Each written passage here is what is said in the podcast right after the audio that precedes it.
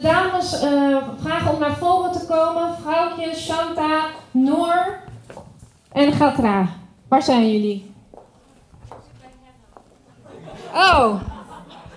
Nou, dan, ja, dan, ik geloof dat het dan straks verder afgemaakt moet worden. Laat hem lekker hier bij ons op het podium uh, drogen. Laat hem even zien aan ons allemaal. We zijn benieuwd. Gatra, hoe ziet hij eruit? Nou ja, niet afgemaakt. Ga lekker zitten. Uh, er is in ieder geval één microfoon nog. Misschien dat er nog één bij komt uh, om in te spreken. Dames maken kennis. En um, we hebben een doel vanavond. Er hangt een, um, ja, hoe zeg je dat? Een canvas aan de muur. Die is nog wit. En wij willen dat aan het eind van de avond dat canvas beschreven is met een soort pleitbrief, een pleitnota. Um, Namelijk, wij willen niet alleen het probleem definiëren vanavond. Waar hebben we het over? Wat is nou het probleem? Waarom is het erg? Maar ook, wat kunnen we er als vrouwen zelf aan gaan doen? Um, uh, het idee is dat er een griffier is, Veerle Korstes, die hier naast me zit. En uh, zij schrijft mee met uh, ideeën waar we mee komen. zodat we die aan het avond met jullie kunnen delen. Het is een eerste aanzet, dat beseffen we. Um, um, uh, er komt een vervolg uh, op deze discussie. Dus um, dat is in ieder geval bij deze een belofte.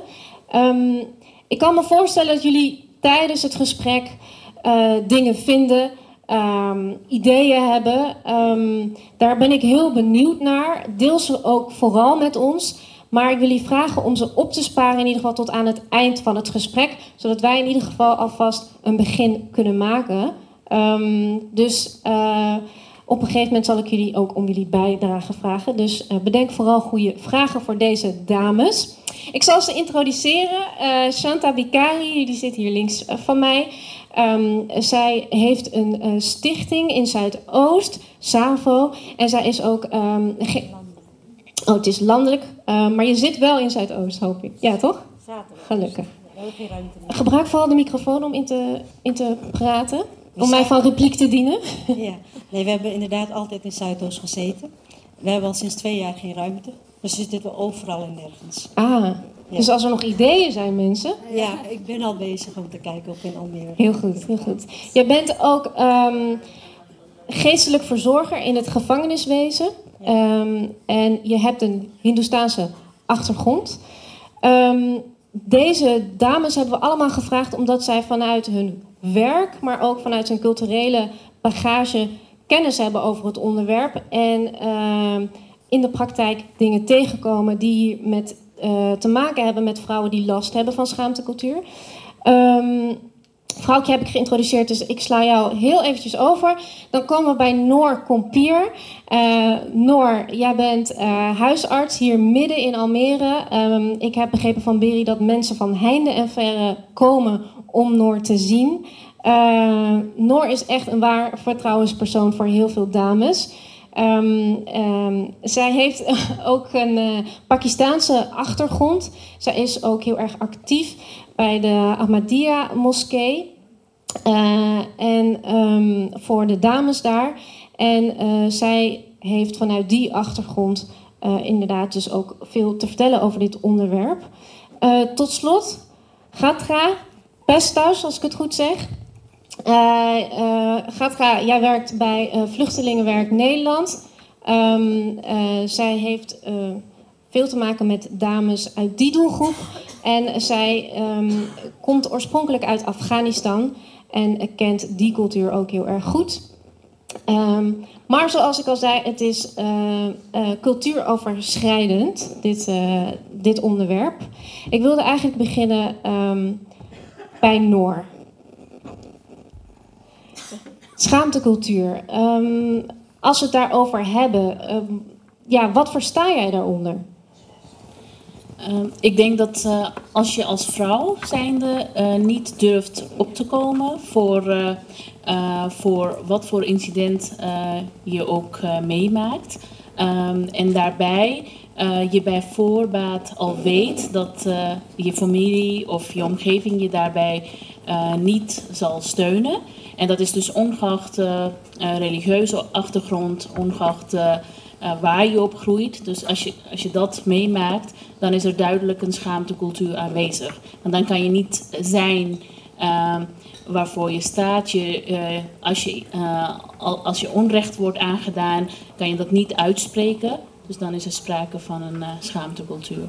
Ja, en dan hebben we het dus over keuzes in jouw persoonlijke levenssfeer. Dus de keuzes voor een studie. Of wil je überhaupt studeren? Uh, de partnerkeuze bijvoorbeeld. Um, dat soort allerlei vrijheden eigenlijk gaat het over. Hè? Ja, ja. Heb jij een voorbeeld dat je met ons kunt delen? Iets wat jij recentelijk bent tegengekomen? Nou, is meer, meer, ik zit hier ook in de functie van met verschillende petten. Um, en uh, ik spreek hier ook als uh, ervaringsdeskundige meer hè, vanuit die uh, verschillende perspectieven. En ik maak vaak genoeg mee dat uh, vrouwen. En dan heb ik het over, want vandaag uh, heeft u aangekondigd van islamitische achtergrond of Hindoestaanse achtergrond. Maar ik maak eigenlijk vrouwen of kinderen van verschillende achtergronden. Uh, vaak eigenlijk dus wel wekelijks mee. waarbij er sprake is van dat ze niet durven op te komen voor hun, hun. Of, of keuzes. En als, als er iets gebeurd is, dat ze dat niet durft, uh, durven te delen met hun omgeving. Dus als uh, dat al in een stad als Almere uh, gaande is, ja, dan vind ik dat er daar wel wat aan moet gebeuren. Ja. Vrouwtje, in voorbereiding op, op deze avond sprak ik jou aan de telefoon.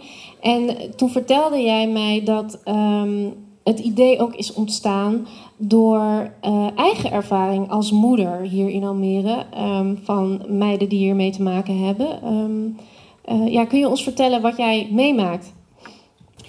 Uh, mijn kinderen zijn allemaal hier op de middelbare. Het speelt. Het, gaat, het wordt vooral wel eens ingewikkeld, vind ik, op de middelbare school. En ja, daar hebben we een aantal ervaringen. Waar ik gewoon op op dat moment niet goed wist uh, hoe ik daarmee om moest gaan. Dus de, bijvoorbeeld een vriendinnetje van mijn middelste dochter. Die kwam haar altijd ophalen. Het is een Pakistaanse meisje. maar hier geboren en getogen. Bij, woonde bij de moeder. Um, die kwam mijn dochter altijd ophalen, want die kwam namelijk anders altijd te laat. Dus dat was hartstikke goed van haar. Uh, alleen meestal had hij nog wat tijd nodig. Dus uh, zij kwam dan bij mij aan de thee, aan de ontbijttafel. Dus ik kende dat meisje goed. Ik had diep respect voor haar, want ze zat op het technasium hier. Thuissituatie waar nauwelijks Nederlands uh, gesproken werd. En zij deed het maar mooi. Dus was super slimme meid.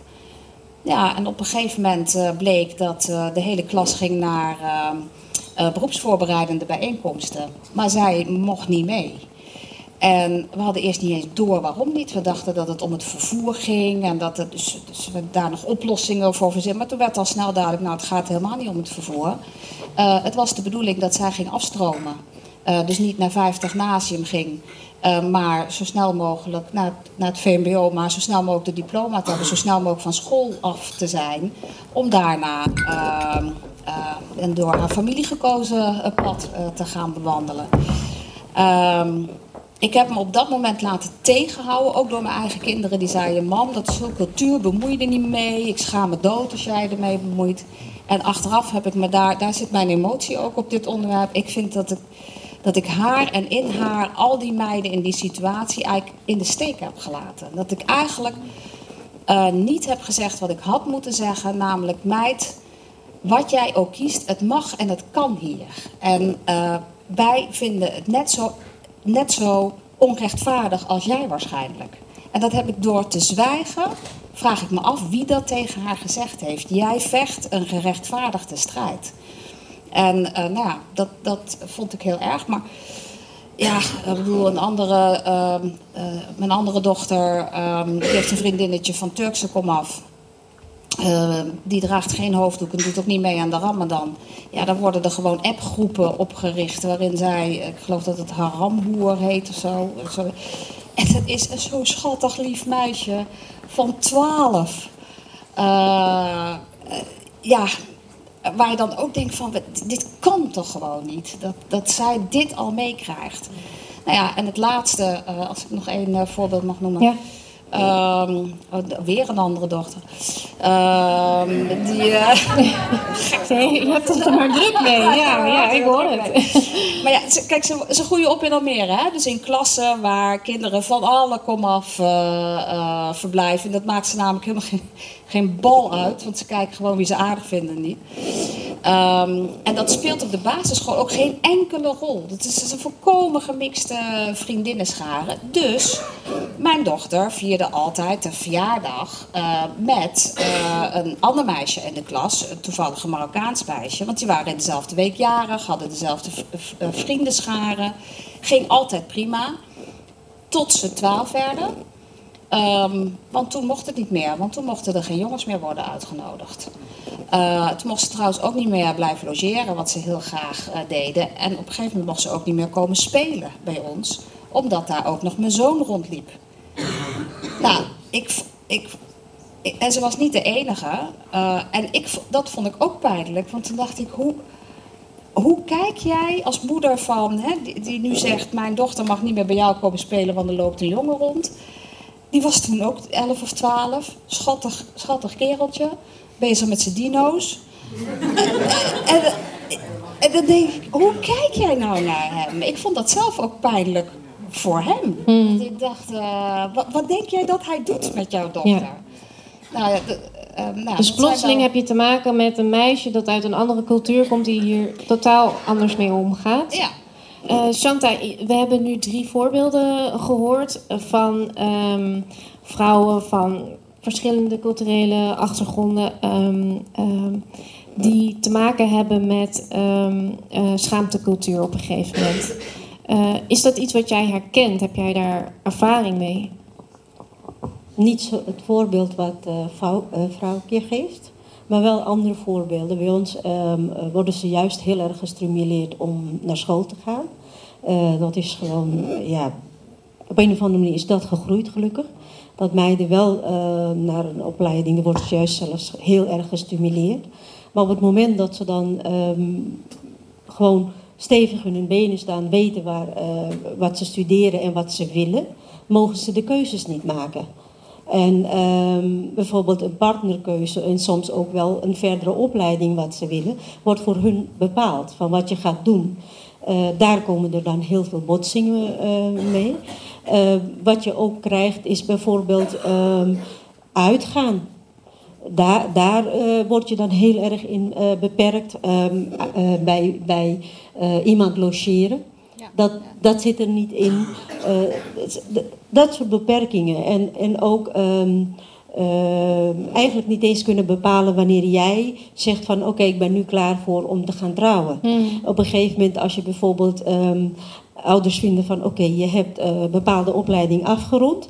Nou, dan is de volgende stap dat je gaat trouwen. Terwijl meiden zoiets hebben van ik heb nu mijn opleiding afgerond en ik wil eigenlijk een beetje genieten van het leven. Ik wil mijn eigen huis hebben, ik wil uh, um, voor mezelf kunnen zorgen, zelfstandig worden en een beetje genieten voordat ik ga trouwen. Nou, dat kunnen ze niet. Er wordt al, uh, als een meisje bijvoorbeeld in een gezin 19 is of 20 en bepaalde, op een bepaalde school zit, soms worden er sommige, sommige uh, families zijn nog zo erg, moet ze nog steeds naar school gaan? Heeft ze, niet ze heeft al een huwbare leeftijd. Dat soort dingen worden dan aangedragen. Dat zij dus niet zelf kunnen bepalen wanneer ze dat willen. Mm. En uh, soms ook niet eens de keuze hebben om uh, hun eigen partner te kiezen. Ik bedoel, ze zijn ontwikkeld. Ze zijn op school gegaan, ze zijn met bepaalde jongens opgetrokken. Ze weten heel goed wat ze wel en wat ze niet willen. Maar daar heb je zelf ook in meegeholpen Ja. om haar die zelfstandigheid te geven. Maar dat is dan alleen tot het ehm, op school gaan en daar jezelf kunnen weten. Maar in huis, als je thuis komt, moet je gewoon heel anders gaan gedragen. Ja. Nou, dat is gewoon heel moeilijk voor die, voor die meiden. Ja. En waar, waar komt dit vandaan? Want dit, dit, dit, uh, wordt, dit komt uit, uit bezorgdheid van de ouders vandaan. Hè? Het is vaak goed bedoeld. Ja, het is inderdaad uh, bezorgdheid en schaamte. Want Ehm, stel dat je dochter ergens gezien wordt met iemand. En dan kan het gewoon zijn dat ze met school met iemand ehm, ergens is, wat is gaan drinken. Of ehm, dat ze ergens met iemand aan het praten is, bijvoorbeeld op straat op een bankje zit te praten. En iemand, een, een familielid of een buurman of wie, iemand die de familie goed kent, ziet haar daar zitten. Nou, voordat zij thuis is, is de boodschap al daar binnen. Van ik heb haar met die en die gezien. En soms nog met een andere verhaal erbij. Nou, als je dan als kind thuis komt, heb je een ander probleem. Ja. Dan heb je heel wat uit te leggen, terwijl jij eigenlijk niets anders dan met een schoolvriend iets aan het praten bent. Misschien wel over school iets Ja. aan het bespreken bent. Maar die ruimte heb je niet. Want je, je moet naar school gaan en je moet daarna gewoon thuiskomen. Dat is alles. Gatra, over die bezorgdheid gesproken. Ehm, jij hebt ook je eigen partnerkeuze gemaakt. Maar jij zei tegen mij, eh, alles goed en wel. Er wordt veel gefocust op eh, vaak de islamitische cultuur. Maar jij zit in een gemixte relatie. En ook vanuit de Hollandse cultuur is er veel bezorgdheid. Dat, dat moeten we niet vergeten. Kun je daar wat over vertellen? Nou, ik ben eigenlijk een half uurtje geleden, wist ik pas wat het onderwerp was. En nog steeds twijfel ik, moet ik überhaupt aan deze tafel zitten? Uh, naast dat ik vluchteling ben, bij, uh, bij vluchtelingenwerk uh, werk, ben ik ook cultureel antropoloog. En ik heb uh, een beetje allergie voor cultuur. Hè? Want de Nederlander bestaat niet, maar de Marokkaan en de Turk bestaat ook niet. En ik ben echt nu nog steeds aan het twijfelen, moet ik het vanuit de professionele kant uh, benaderen vertel, of vanuit het Vertel uh, me vooral of vertel ons wat je lastig vindt aan deze discussie, want daar ben ik wel benieuwd naar. Nou, wat ik lastiger daarvan vind is van, uh, ik ben zelf van heel erg van, uh, we moeten het echt met z'n allen gaan doen. En ik kom zelf uit de hulpverlening, en wat ik ook heel vaak merkte, dat in de hulpverlening dat we het meisje willen redden.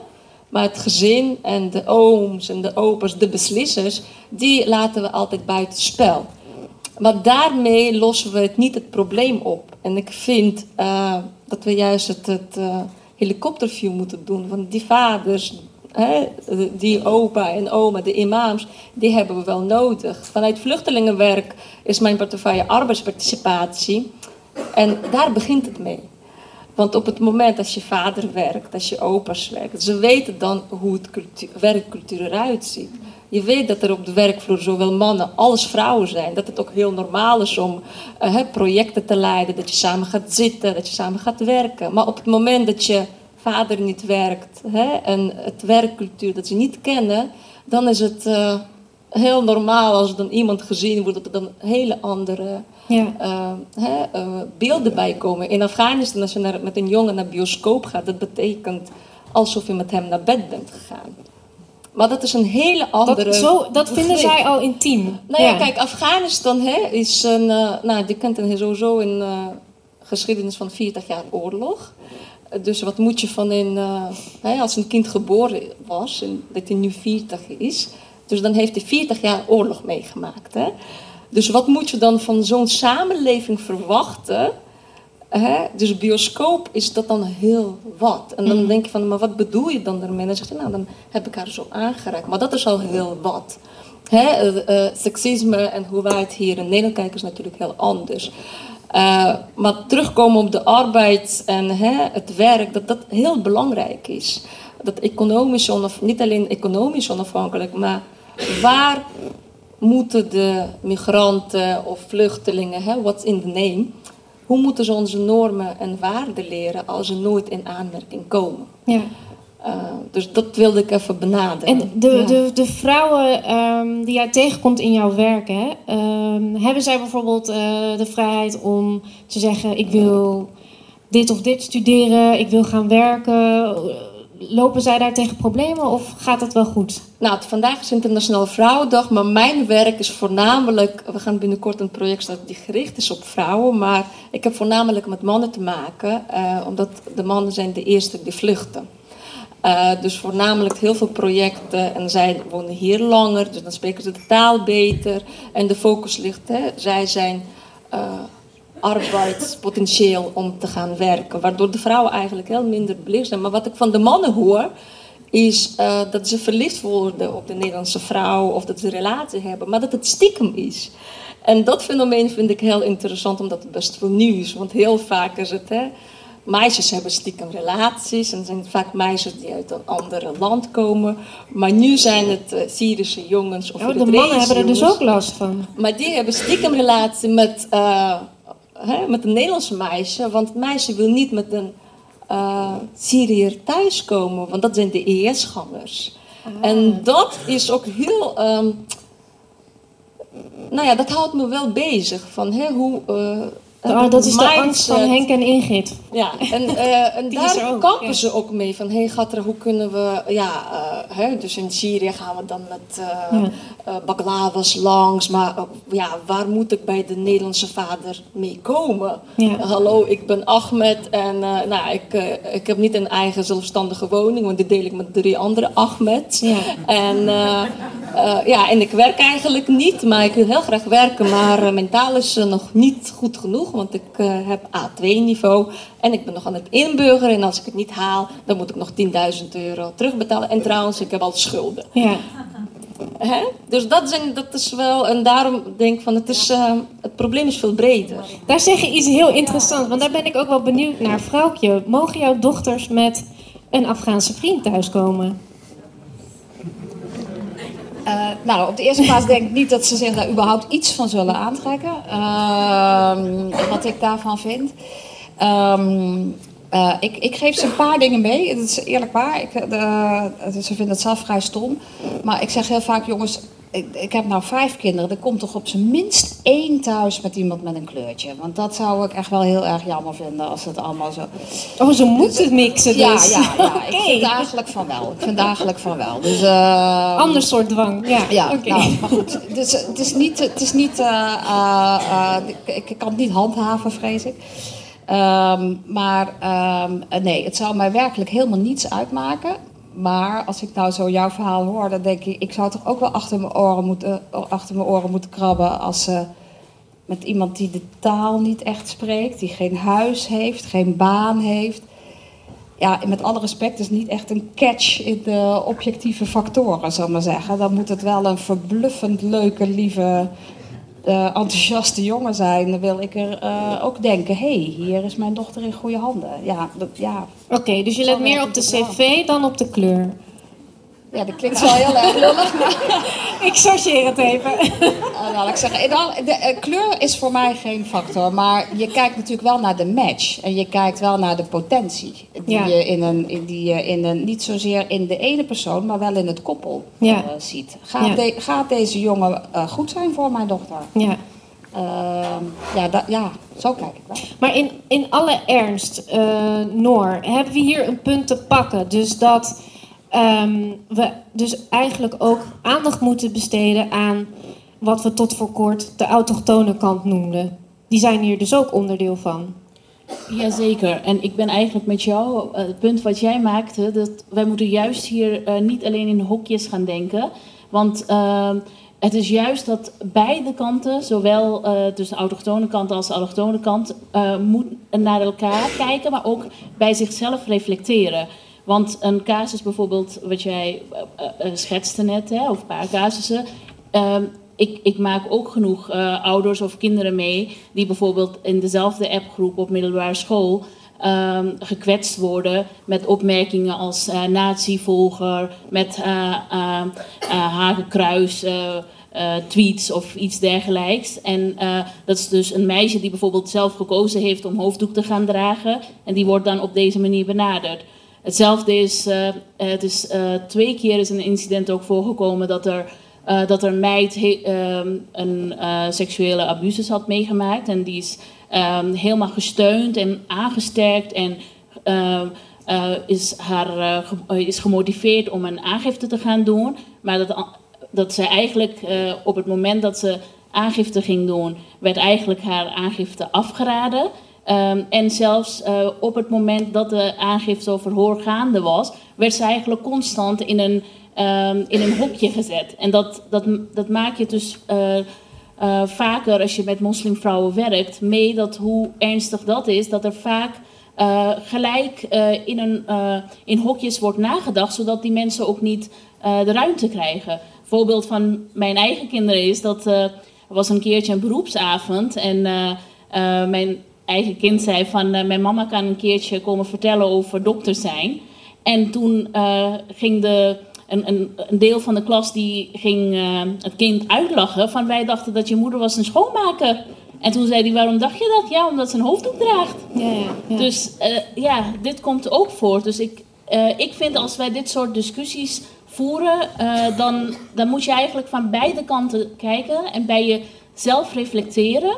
Hoe kijk je naar een ander? ja. En want eh, ja, zo, eh, zolang je geen respect hebt of zolang je al eh, vooroordelen hebt die eigenlijk waarvan je zelf niet eens bewust bent, want je hebt een aantal vooroordelen waarvan je zelf al bewust bent, hè?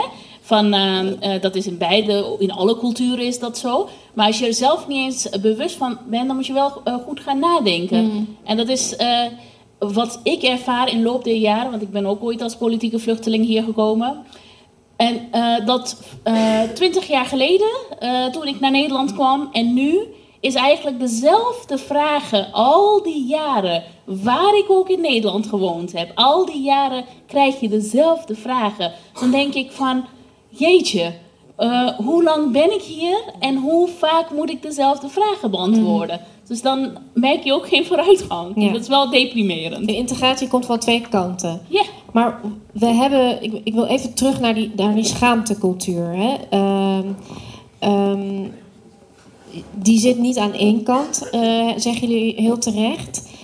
Ehm, wat kunnen we nou, want we zijn hier ook om concreet eh, ideeën te formuleren, wat we zouden kunnen doen.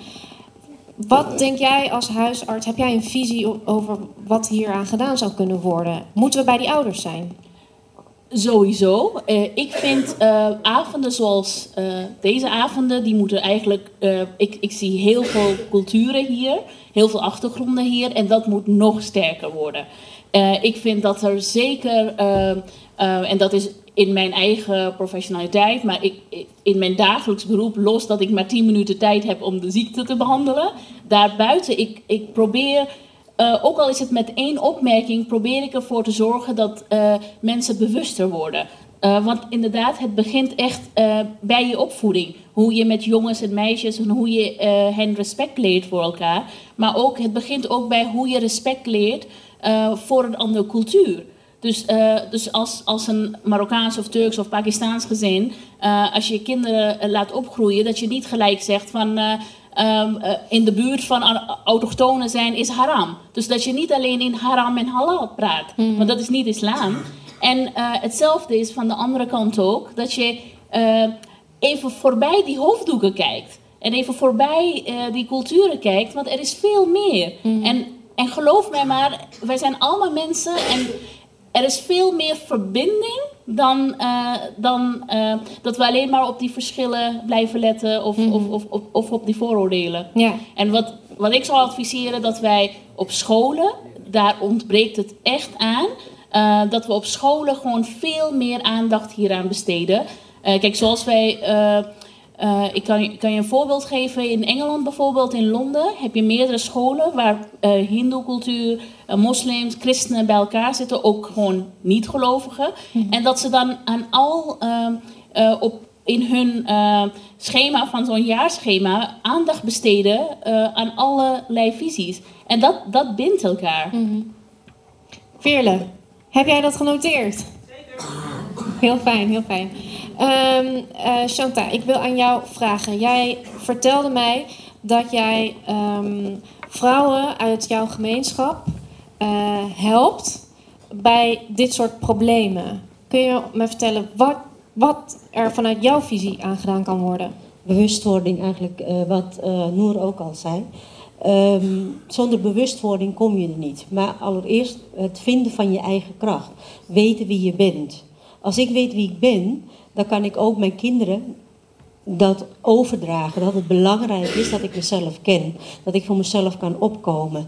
Ehm, we hebben het eh, binnen de Hindustaanse cultuur gehad. Natuurlijk eh, dat er hier, ehm, toen de mensen vanuit Suriname hier naartoe kwamen.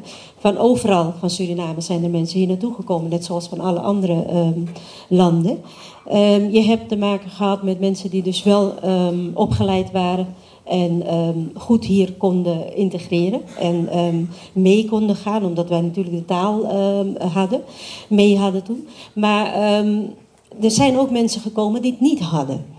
Eh, en dan sluit ik aan wat bij Noor zegt. Eh, dan, heb je, dan ben je twintig jaar verder, maar je bent eigenlijk daarin geen stap verder gegroeid. Eh, dus dat stukje eigenlijk mensen daar bewust van maken dat het je eigen verantwoordelijkheid is. Ik zeg altijd, als ik naar China ga met hele jonge kinderen, ik heb nu volwassen kinderen, maar stel dat ik naar China zou zijn en mijn kinderen zouden drie, vier en vijf zijn en ehm, ze zouden ziek zijn, dan moest ik de taal kennen om daar duidelijk te maken wat er met mijn kind was wat de arts aan mij ging vertellen. Dat was, daar was ik zelf verantwoordelijk voor, want anders wist ik niet wat hij met mijn kind ging doen. En dat is het belangrijkste bezit wat je hebt. Dus ehm, hier zei ik ook altijd tegen Hindoestaanse vrouwen van het is belangrijk dat je weet hoe het in elkaar zit. Je kan wel de taal praten, maar je kan niks lezen. Dus mensen kunnen van alles met je doen. En als jij die verantwoordelijkheid niet neemt en niet vertelt hoe je voor jezelf moet opkomen, hoe gaat je dochter dat zien? Hoe gaat ze de voorbeeld krijgen, dat voorbeeld krijgen dat je voor jezelf moet leren opkomen? Als ik iets niet weet, dan moet er een nieuwsgierigheid in mezelf zijn. Ik moet gedreven door, iets worden om daarachter te komen. Dat geef je aan je kind mee. Je kunt aan een kind leren van, eh, door lezen, door een op- eh, opleiding te geven. eh, hoe ze in, in het leven zichzelf kunnen redden.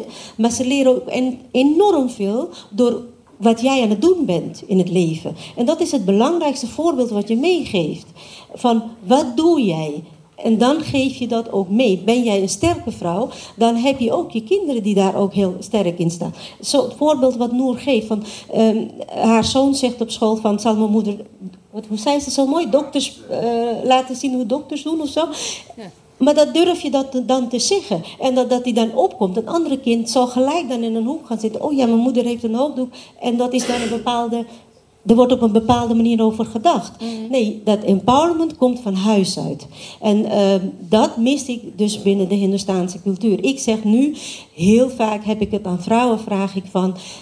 Wat geef je mee op het moment dat jouw dochter gaat trouwen? We zien zoveel huwelijken stranden op dit moment. Wat voor waardes geef je? Hoe heb je je dochter geleerd wat de kwaliteiten zijn om een vrouw te zijn?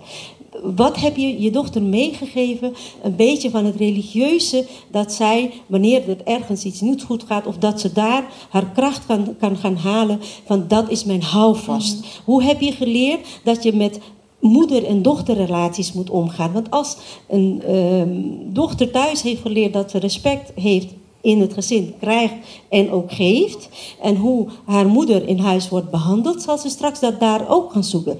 Ze kan pech hebben dat het niet is, maar op het moment dat ze het kind, kan ze dat daar ook proberen te realiseren. Door in gesprek te gaan met mensen. Maar leer je je kind wel om in gesprek te gaan? Leer je je kind om op te komen voor jezelf? Als ze dat Er niet dus een hele grote taak bij de moeders. bij de En als ik je goed eh, samenvat, want dat Veerle schrijft met ons mee voor zometeen, is het dat jij eigenlijk dus vrouwen leert om voor zichzelf op te komen en ook moeders om voor hun dochters op te komen. In ieder geval je dochter leren dat zij het anders doet dan dat jij het Ja, hebt gedaan. ja. De kracht meegeven. Ik denk, wat, wat, ik, wat ik echt meegeef is bewust worden van wie ik ben. Wat vind ik nou leuk? Wat zijn mijn emoties? Weet je dat heel veel vrouwen die ik spreek niet eens hun emoties kunnen omschrijven. En ik moet je zeggen, ik ben nu 54. Ik heb daar nog steeds moeite mee. Ja. Omdat ik het van huis uit niet geleerd heb. Ik ben het gaan zoeken. Van wat voel ik nou? Hoe ga ik dat omschrijven? Ik heb nog, nu nog soms met emoties dat ik niet de juiste woorden kan noemen. En dan kan ik, weet je, dat missen we gewoon. En dat vind ik gewoon een gemis. Dat je, het is een, een enorme waarde Helder. als je dat ja. niet hebt. Ja. Veerle, schrijf jij op. ehm, Wie ben je? nee, we hadden opgeschreven. Ja, ook, ook. Maar we hadden. Wat zei ik daarvoor? Empowerment door de moeders. Ja. Empowerment, voor elkaar opkomen. Voor, voor elkaar opkomen. Nee, Lijkt maar ook moeder-dochterrelaties heel erg En eh, investeren in. Ja. Noor, jij zit op hete kolen. Ja, ik, wil, ik wilde hierop gelijk aanhaken. Wat moeder-dochterrelatie in onze culturen, dus of het nou islamitische cultuur is of Hindoestaanse cultuur is, eh, die, is eh, die is vrij sterk en die band is ook sterk.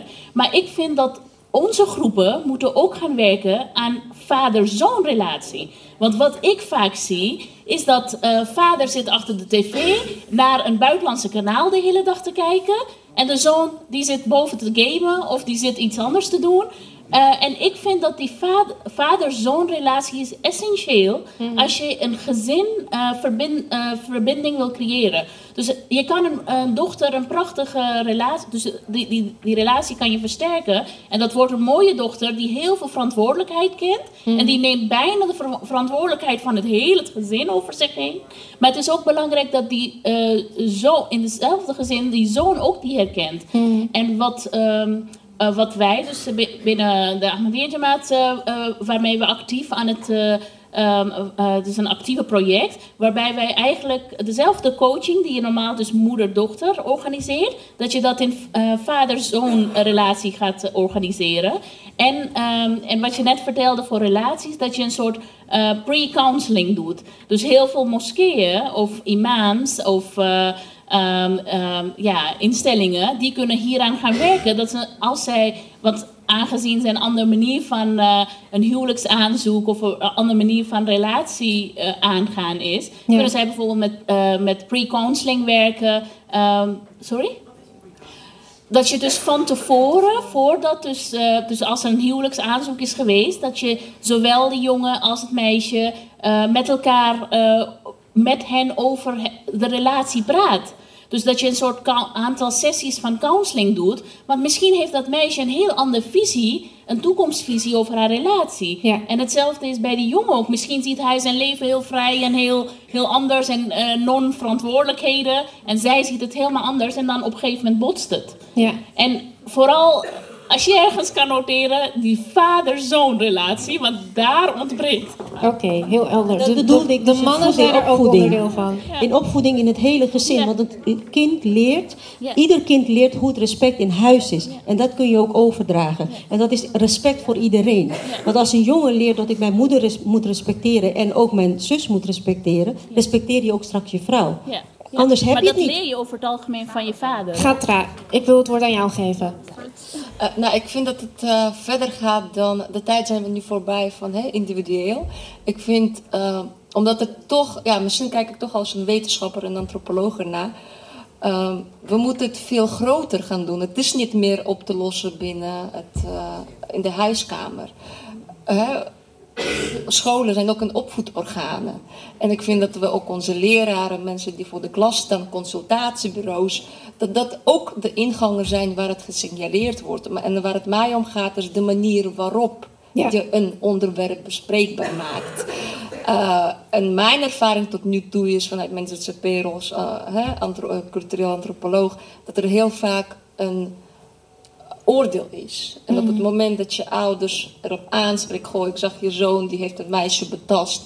Maar de manier hoe je het aanspreekt, dat kan echt cruciaal zijn. Want zoals ik het al zei, we hebben ze echt allemaal nodig. Want anders raken we ze kwijt. En dan komen we echt never nooit bij de voordeur, via de achterdeur, via de schoorsteen, komen we nooit naar binnen. Ja. En ik vind dat we het juist veel breder moeten gaan doen. En juist bij de nou ja, het is echt een probleem niet van Nederland, maar het is echt veel groter. Ja. En we moeten het echt, nou ja, met opvoedorganen ook meer nou ja, daaraan gaan werken hoe we het moeten gaan oplossen. Uh, en zo'n relatiegesprek, ik, dat zou ik echt aan iedereen aanraden die überhaupt gaat trouwen. Hè? Dat je bij de gemeente op het moment dat je zegt ik ga trouwen, dat het dan hè, sowieso heel fijn is om het dat te doen. Want de scheidingen, dat is uh, schrikbarend. Uh, zowel bij, de, hè, bij alle culturen. Bij, hè, en ik, kom, uh, ik ben in Nijkerk opgegroeid. Uh, dat is Bijbelbelt. en daar hebben we precies hetzelfde problemen. Maar wel met de, met de Nederlanders, hoe zou ik het In noemen? de christelijke cultuur. Ik vind het ook heel interessant hoe daar nou ja, ermee omgegaan wordt. Hè. Homo is nog steeds... Hè, dat, uh, nou, die seksuele geaardheid is in Nijkerk echt niet geaccepteerd. Mm. Maar er zijn dominees, wijk, teams en dat, die dat echt allemaal in gesprek ik, ga, ik ga je hier even onderbreken, want voor we het over homoseksualiteit gaan hebben, dan, dan gaan we een zijweg inslaan.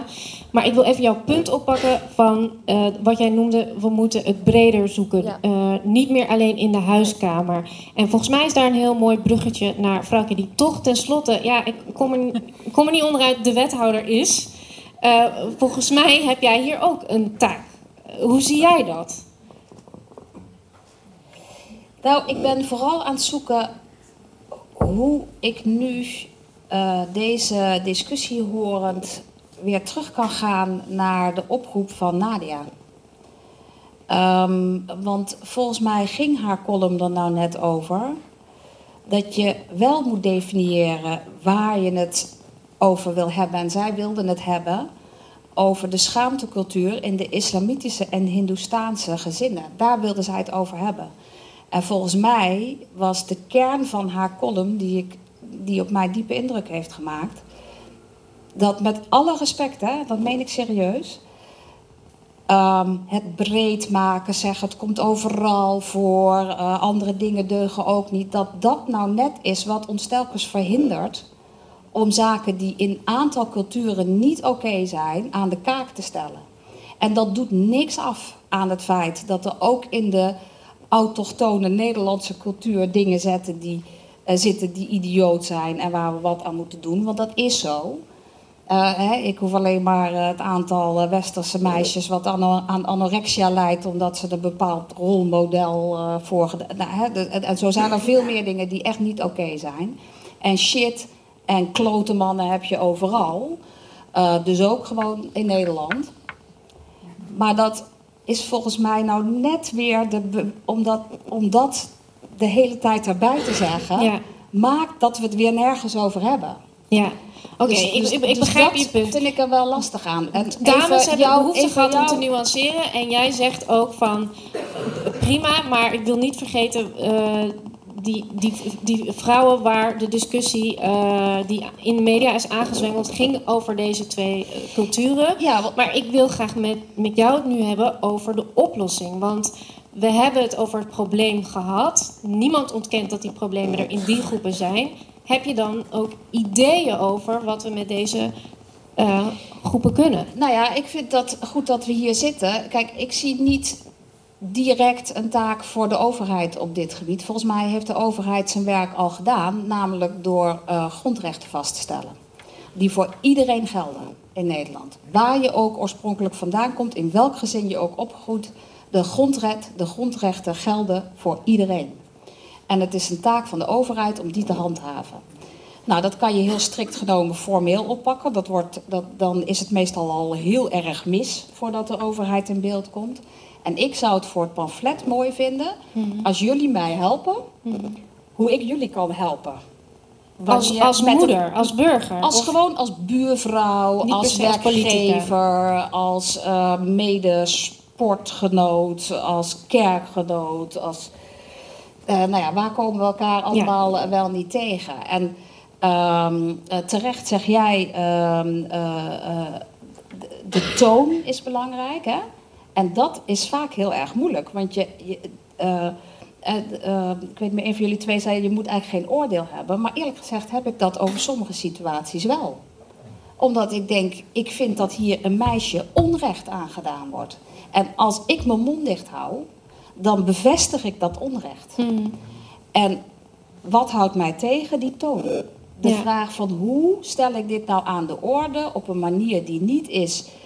ik beschuldig jou en daarmee je hele Precies, cultuur en ja. je herkomst. en zo. Want daar gaat het mij niet om. Het Ja. gaat mij om dat meisje wat Ja. onrecht aangedaan wordt. En die ik graag op mijn manier wil helpen. En vervolgens moet je als overheid zorgen dat je die hulpstructuren op orde hebt. Dus dat je ehm, zorgt dat als een meisje zegt: nee, ik wil eh, iets anders studeren, ik wil niet met deze jongen trouwen, ik wil nou, hè, eh, dingen die haar in de problemen brengen, dat wij goed op orde hebben, dat zij eh, vervolgens ehm, geholpen wordt op een manier die zo min mogelijk beschadigend is in de relatie tot eh, het gezin waar ze vandaan komt. Want, Ja. want, want uiteindelijk wil je graag dat iedereen weer terug kan op een goede manier in zijn gezin. Maar ik heb wel een oordeel. ehm, ik, ik vind de grondrechten die wij hebben, nou fantastisch klinkt een beetje raar, maar die vind ik inderdaad onvervreemdbaar. En die gelden dus ook voor iedereen. Ja. Ik vind dit een, een hele mooie vraag. En eh, ik wil hem stellen voordat jij zo weg moet. Jij moet helaas zo meteen weer naar het stadhuis over eh, een kleine vijf minuten. Ehm, ja, Eh vrouwtje stelt aan jullie de vraag: Ik wil helpen. Ehm, wat kan ik doen? Is er één van jullie die hierop wil reageren? Ik geloof dat Noor. Ik zou zeker wel willen reageren. Ja, alsjeblieft. Ja. Nou, kijk, eh, je zegt inderdaad, eh, je zegt al, het is de toon en hoe, eh, want je hebt daarbij ook een gevoel al, hè? Want jouw toon is al subjectief, omdat je hebt eigenlijk al een oordeel gevormd. Dus ik denk dat als je juist oprecht wil helpen, dan, dan moet er toch wel iets aan die oordeel gedaan worden. Dan, als jij dat voor dat kind wil, als je voor dat meisje er wil zijn, eh, dan moet er in de totaliteit een, eh, toch aan dat oordeel eh, geschaafd worden, zodat dus jouw oprechtheid naar buiten komt. Want als je met dezelfde toon als een hulpverlener, bij wijze van, zou aanslaan, dan kan je ook een tegenreactie verwachten. Begrijp je? Dan is het logisch. weerstand. ja, dan, dan, is het, dan is het logisch dat de andere kant jou ook roept: van wie ben jij om mij dit les te leren? Begrijp je? Dus Ja. Vrouwtje. Maar nou, een echte vraag. Eh, een beetje in strijd met wat ik net zei. Maar ik ben wethouder. Ik moet de wet houden. En er zijn situaties waarin eh, de wet geschonden wordt. Eh, ten opzichte van hè, als een meisje niet zelf mag kiezen met wie ze trouwt, bijvoorbeeld, dan wordt de wet geschonden. Die moet ik houden. Dus dan ben ik niet, niet objectief. Eh, nee, dan, dan constateer ik eigenlijk iets wat indruist tegen de wet. ja. Noor, jouw reactie.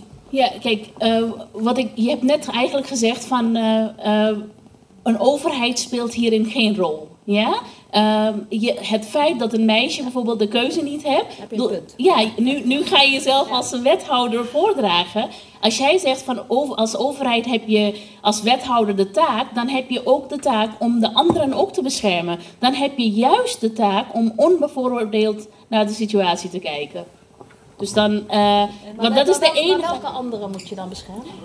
Nou, ook dat, eh, eh, ook die, an- inderdaad, die andere gezinsleden. Of al die, al die andere meisjes die ook beschuldigd worden met allerlei. eh, of, of al die eh, Ahmeds en de Mohammeds en de Aisha's die hun stageplekken niet krijgen. Ja. Begrijp je? Die moet je dan ook beschermen. Dus ik vind. eh, als wij, als wij dit samen willen doen, als wij dit willen aanpakken vanuit de overheid om wet te beschermen, en die wet hebben we, en die wet is, eh, die wet komt, eh, wet wat we in Nederland hebben over discriminatie, die komt in Koran voor, die komt in Bijbel voor, die komt in Veda voor, die komt in alle normen en waarden voor, ongeacht je geloof.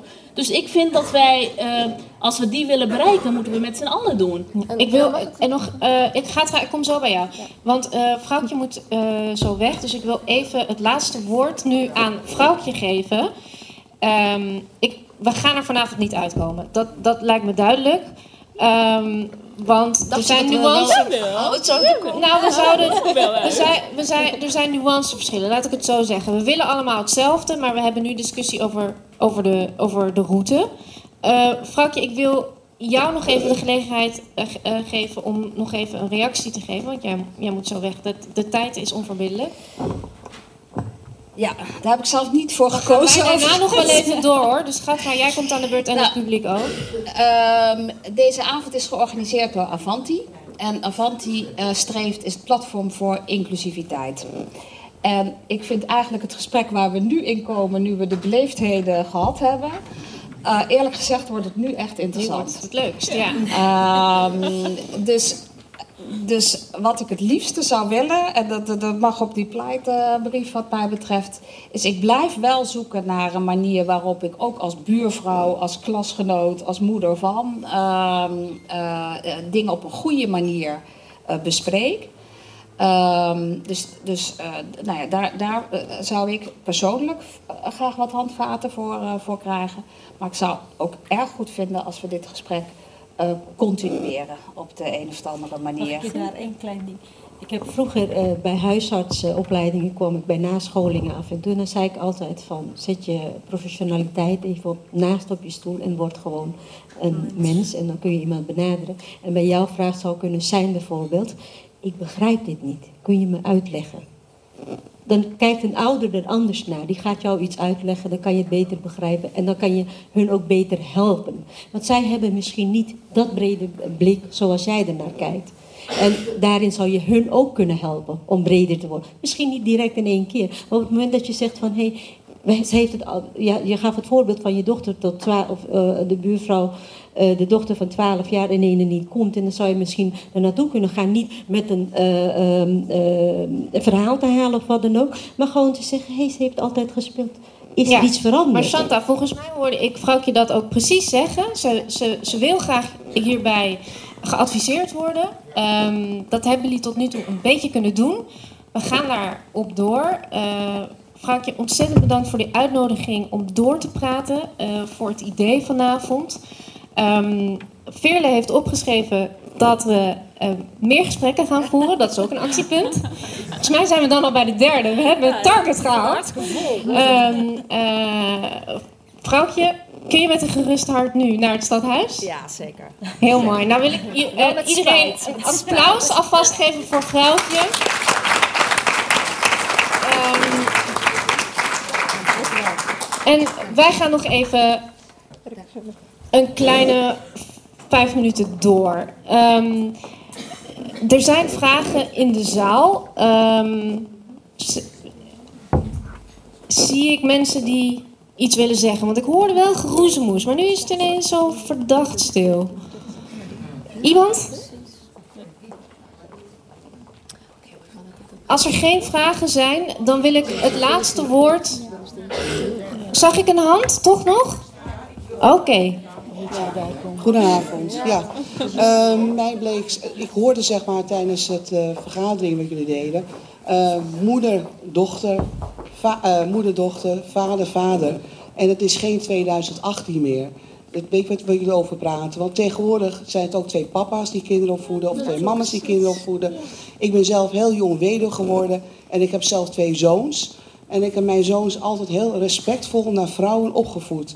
En ik leg, denk ook dat het aan de thuisbasis ligt, zeg maar, hoe het verder gaat met die kinderen. Maar wat jullie echt zeiden van eh, moeder, eh, zeg maar, moeder en dochter en vader, va- eh, vader eh, zoons, is niet meer voor deze tijd. Hel- ik voelde helder. mij eigenlijk een beetje teruggaan naar... Dat wilde ik gaan zeggen. Dank u wel, mevrouw. U bent dus helder. Wil iemand wel. hier reageren daarop? We missen een microfoon wederom. Ja, we zijn Eh, ik denk dat ik zelf even ga rondlopen. Gatka, jij wil wat zeggen.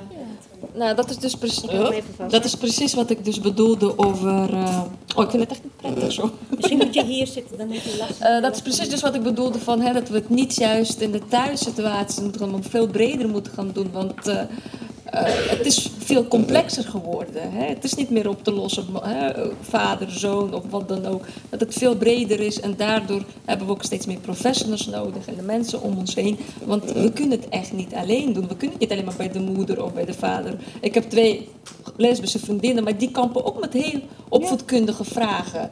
En ik denk dat opvoeding aan zich een heel lastig ding is. Ik ben zelf moeder van een zoontje van drie, maar soms weet ik het ook niet. En ik ben heel hoog opgeleid en ik ben hè, wetenschapper. Maar, en daarom bedoel ik van, dat we niet zozeer moeten essentialiseren met culturen van hè, eh, dat we alleen maar twee groepen kiezen waar we dan de opvoedkundige eh, trainingen gaan geven. Hoe ga je kind opvoeden? Maar dat dan juist is eh, de kunst is om van elkaar te leren.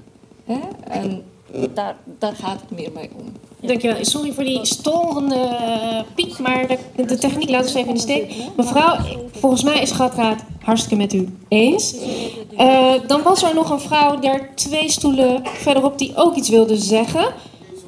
Of hier vooraan. Oké, hier vooraan. Ehm, ik heb zo naar jullie verhaal geluisterd. Heel fijn. Maar ik zit wel met één probleem. Ik mis een vraag, een hulpvraag. Wat je zegt, er gebeurt heel veel. Er is heel veel schaamte in die, in die culturen, ken ik ook wel. Maar als het er niet uitkomt, hoe moet je dan wat doen? Want als je zomaar in een gezin gaat springen of in een, in, een- in een, in een situatie terechtkomt, waarbij word je al heel snel al bemoei, als bemoei al bestempeld. Dus je zou eerst moeten gaan naar, denk ik, een hulpvraag. Oké, de vrouwen moeten zich meer uitspreken. Wil iemand hierop reageren? Ja. Noor? En, en dan Ja, nog. Kijk, eh, vrouwen kunnen er, erop alleen reageren als zij vertrouwd gevoel hebben. Ik, ehm, als zij bijvoorbeeld bij mij als hulpverlener dat vertrouwd gevoel hebben, ze spreken daar, daar ook voor. Ik, ik kan een voorbeeld eh, eh, geven, bijvoorbeeld van ehm, ehm, heel veel moslimouders eh, die in Almere wonen, durfden hun opvoedingsgerelateerde problemen niet met hun huisarts te bespreken. Omdat ze gelijk bang waren dat eh, de huisarts bijvoorbeeld een melding gaat maken bij de kinderbescherming. Dus je moet eh, als hulpverlener ook eerst die uitstraling geven, wil je, wil je toegankelijk zijn. Helder, Santa, jij wilde ook nog iets zeggen. Ik kom naar je toe. Het probleem voor, ehm, om, voor de hulpverlener om goed hulp te geven, wordt soms ook geblokkeerd, omdat eh, degene die hulp vraagt soms niet alles eerlijk vertelt. En dat komt inderdaad een beetje wat Noer zegt. En het andere, dus angst, eh, zelfs, soms zelfs dat uit huisplaatsingen worden gedreigd. Ehm, ik ken nu een moeder die zelfs in de gevangenis zit, omdat haar kind gewoon door een inci- incident in het gezin eh, uit huis is geplaatst. En zij haar kind was gaan bezoeken, zit ze nu vier maanden in de gevangenis. Dus die angst is heel erg en daar is te veel macht eigenlijk om, om dat soort dingen te doen. Dus daar moet eigenlijk ook naar gekeken worden, dat daar nog eerst eh, gesproken wordt. Eh, maar wat ik eh, heel erg mis is dat er binnen de hulpverlening te weinig eh, andere culturen zitten. Die je cultuur begrijpen. Soms heb je, mensen zijn zo boos. Eh, en als je dan jezelf niet kan uiten, dan wordt het alleen maar, irritaties worden meer en meer. En je komt dan niet meer terug. En er gebeurt er achter de voordeur enorm veel. Dus ehm, eh, iemand van je eigen cultuur, al zouden er meer vertrouwenspersonen moeten komen. Die een soort van brugfuncties zouden moeten gaan functioneren. Daar waar er niet direct de, ta- de taalbarrières zitten. Maar ook eh, iemand anders die een vertrouwenspersoon kan zijn. Waar mensen ook echt dat veilige gevoel hebben wat Noor, Noor het over heeft. Waardoor ze dus echt helemaal alles kunnen uitgooien, waardoor al automatisch alweer ruimte komt. Soms heel veel al is opgelost omdat door het eruit te gooien al ruimte is gekomen voor eindelijk de ene kern van die hulpvraag waar ze daadwerkelijk moeite mee heeft. Helder. Dus we, we moeten werken aan een vertrouwde omgeving, zodat die hulpvraag ook komt. Ook geformuleerd kan worden. Duidelijk, ja. Ehm, ik heb nog ruimte voor. Ik kijk even naar de organisatie. Eén of twee vragen? Drie. Drie vragen. Drie vragen. Ik zie drie vingers in de lucht, dus dat komt perfect uit. Ik zie Marnie, ik zie Willy en ik zie achterin een mevrouw. En die mevrouw achterin was eerst. Kan er een microfoon bij die vrouw komen? Yes. Dag, mijn, mijn vraag is. ehm, we Misschien met- wilt u even opstaan, dan kunnen we u zien. Ja, Welkom. ik ben eh, Judith Wijnen. Ik, mijn vraag is, eh, we begonnen met rapper Boef. En Ja. ik zou eigenlijk graag willen weten, hoe krijgen we het zover dat we geen ja, eh, rapper Boef-achtige eh, jongetjes meer hebben? En, eh, hè, dus in, en motherfucker en nou ja, al dat soort termen wat blijkbaar normaal gevonden worden. Want dat zou ook een hoop schelen volgens mij. Dus mijn vraag is, hoe krijgen we ook de, de jongetjes, zeg maar, zover Ja. dat ze dat respect gaan. Oké, hoe zorgen we ervoor dat rappers het niet meer cool vinden? Iemand een idee? Ja, dat is de algemene opvoeding. Noor. Ik, ik vind dat ehm, scheldwoorden gebruiken eh, naar, naar ouders of naar omgeving, dat is gewoon een stukje opvoeding. En dat, eh, dat is denk ik in andere, alle culturen of alle achtergronden, daar moet er hard aan gewerkt worden. En waar dat eh, op dit moment eh, meer gaande is, of dat nou nu Marokkaanse jongeren zijn, of Surinaamse of autochtone jongeren, in welke setting ook, daar moet aan gewerkt worden. Nee, nee, nee, nee, ik wil graag de microfoon. Ik wil Kunnen de vaders daar niks eh, Het, aan het is doen? ook een jongere cultuur, hè? Dus Ja. eh, ook over, hè, waar Vrouwke het over had, over het eh, hè, WhatsApp en pesten. Maar dat zie ik, hè, daarom zeg ik steeds, ik wil hem steeds breder zien, want dat is cyberpesten. Hè? Welke, en welke het, rol hebben de vaders hierin? eh, nou, het gaat niet zozeer van wie de eh, rol heeft. eh, hè? Is het nou vader of is het een mama? Het gaat erom van de maatschappelijke norm. Hè? En boef, ik ben helemaal, ja, ik ken die gast helemaal niet, maar eh, hij, het is een rapper. Maar het is hetzelfde als Eminem. Als je naar zijn teksten gaat luisteren, is ook best wel schrikbaar. Een bitch en chickie in dat. Dus ik vind wel dat we steeds... Het gaat niet om boef. Hè, daar gaat het niet om. Maar het gaat veel breder. Wat vinden wij een maatschappelijke norm? Wat, is, wat vinden wij normaal? Ja. En daar moeten we steeds meer gesprekken gaan voeren. Oké. Niet, het gaat niet om boef. Er, eh, dat was stiekem al een tweede vraag. Ik wil graag dat de microfoon naar Marnie Sniphout gaat hiervoor, die ook al eerder even in gesprek was. Marnie, wat is jouw vraag aan deze drie vrouwen? Nou, mijn vraag is meer, eh, ja, jammer dat de eh vrouwtje weg is. Want eh, we zijn te veel gefocust op de overheid. Ik kan me herinneren dat ik ooit mee heb gedaan aan een eh, programma, aan een, eh, een, eh, een, ja, een programma, Opvoeden doen we samen. En dat was een programma van ouderbetrokkenheid op scholen. En dan was het heel mooi om te zien dat als je op de scholen komt, waar verschillende culturen zijn, dat als mensen laagdrempelig daarover gaat praten, dat er veel meer uitkwam. Eh, er was bijvoorbeeld een voorbeeld dat Marokkaanse culturen heel begrensd zijn en u kunt er niet vrijlaten. En als dan in zo'n setting er gevraagd wordt van wat is die angst en waarom wil je dat niet? Kun je dat niet zo aanpakken? Misschien vijf minuten op een afstand van vijf minuten observeren in plaats van heel dicht er bovenop te zitten. Ik denk dat we veel meer op die manier met elkaar in gesprek moeten gaan, want de kracht ligt veelal gewoon bij de gewone mensen, bij onszelf. En dat we niet altijd hoger op hoeven te zoeken. Dankjewel Marnie voor je bijdrage. Maar had je ook een vraag? Of Eh, wilde je dit gewoon graag even ja, kwijt? hoe we, naar, ja, hoe we daartoe terug kunnen gaan. Dat wij dat zelf gewoon allemaal oplossen. En dat er meer een samenwerking onderling is. In plaats van te stigmatiseren en in hokjes te kijken. Hoe komen we weer tot dat niveau? Oké, Shanta, jij wilde ook al.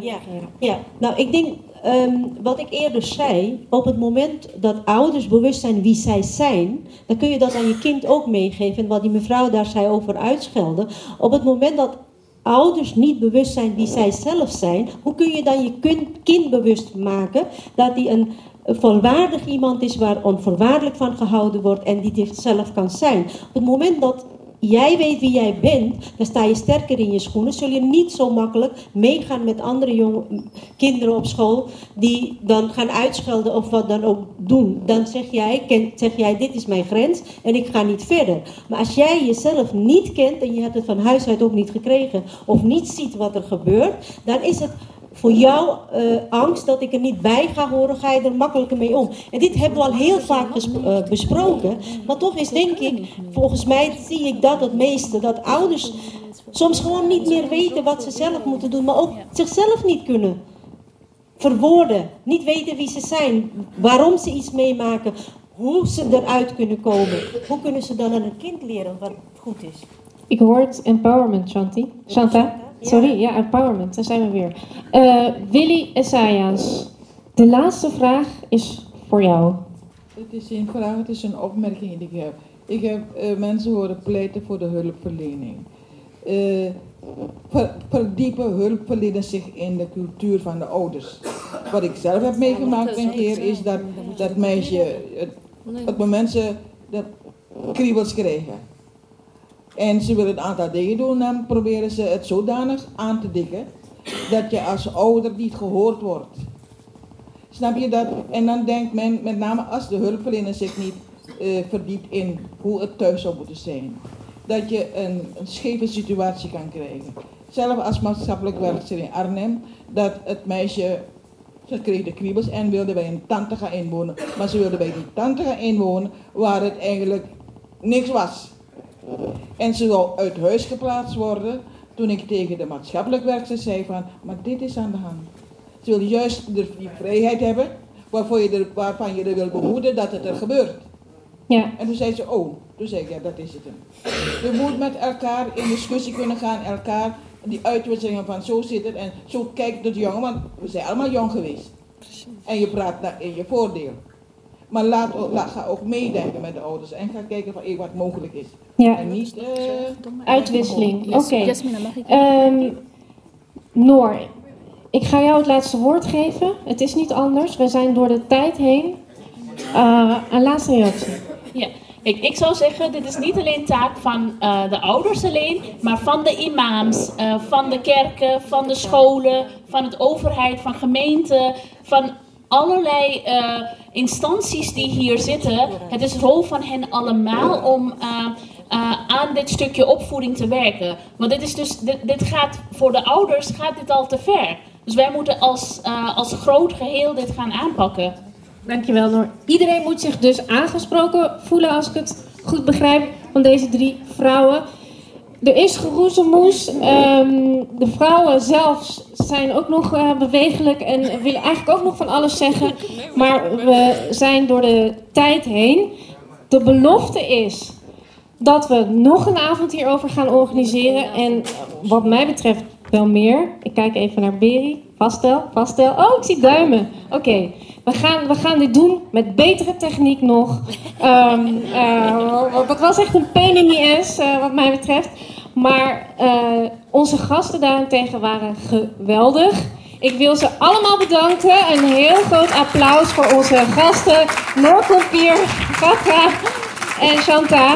Eh, Willy Esayas en Marnie Sniphout, de modellen natuurlijk, de dames van de Linten. Veerle, bedankt voor het meeschrijven.